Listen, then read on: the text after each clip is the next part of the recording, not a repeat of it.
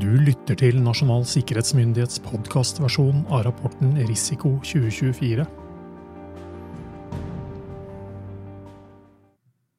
Episode 16 Sikkerheten i cyberdomenet må styrkes. Cyberoperasjoner har blitt hverdagskost for både offentlige og private virksomheter. Derfor må virksomheten gjøre det de kan for å forhindre, avdekke og håndtere sikkerhetstruende hendelser.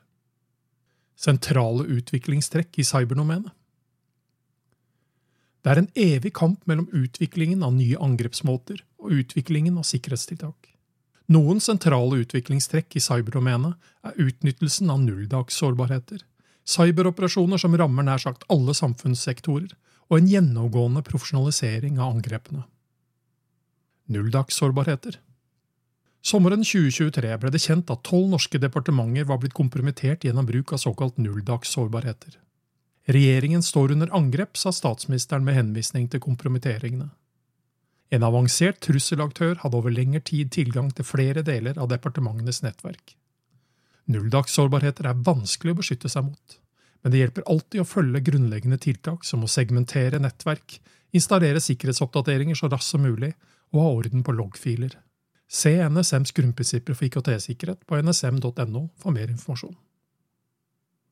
Tjenestenekt rammer mange sektorer. Høyteknologi, næring og offentlig forvaltning er fortsatt de mest utsatte samfunnsområdene for cyberoperasjoner i alle former, totalt sett. Forsvarsindustrien har også vært rammet av cyberoperasjoner, noen av dem svært alvorlige. Etterretningstjenesten påpeker at russiske aktører er ute etter informasjon om norsk politikkutforming, særlig innen forsvars-, utenriks- og sikkerhetspolitikk, samt nordområdene, Svalbard og energisektoren. I 2023 har en rekke tjenestenektangrep fra prorussiske aktører truffet virksomheter i transport-, finans- og helsesektoren. Flere av virksomhetene i disse sektorene har ikke tidligere vært rammet av angrep i dette omfanget. I mange av de mindre alvorlige tjenestenektangrepene mot forsvarsindustrien oppgir russiskspråklige hacktivister selv at motivasjonen for angrepene er Norges rolle som støttespiller for Ukraina.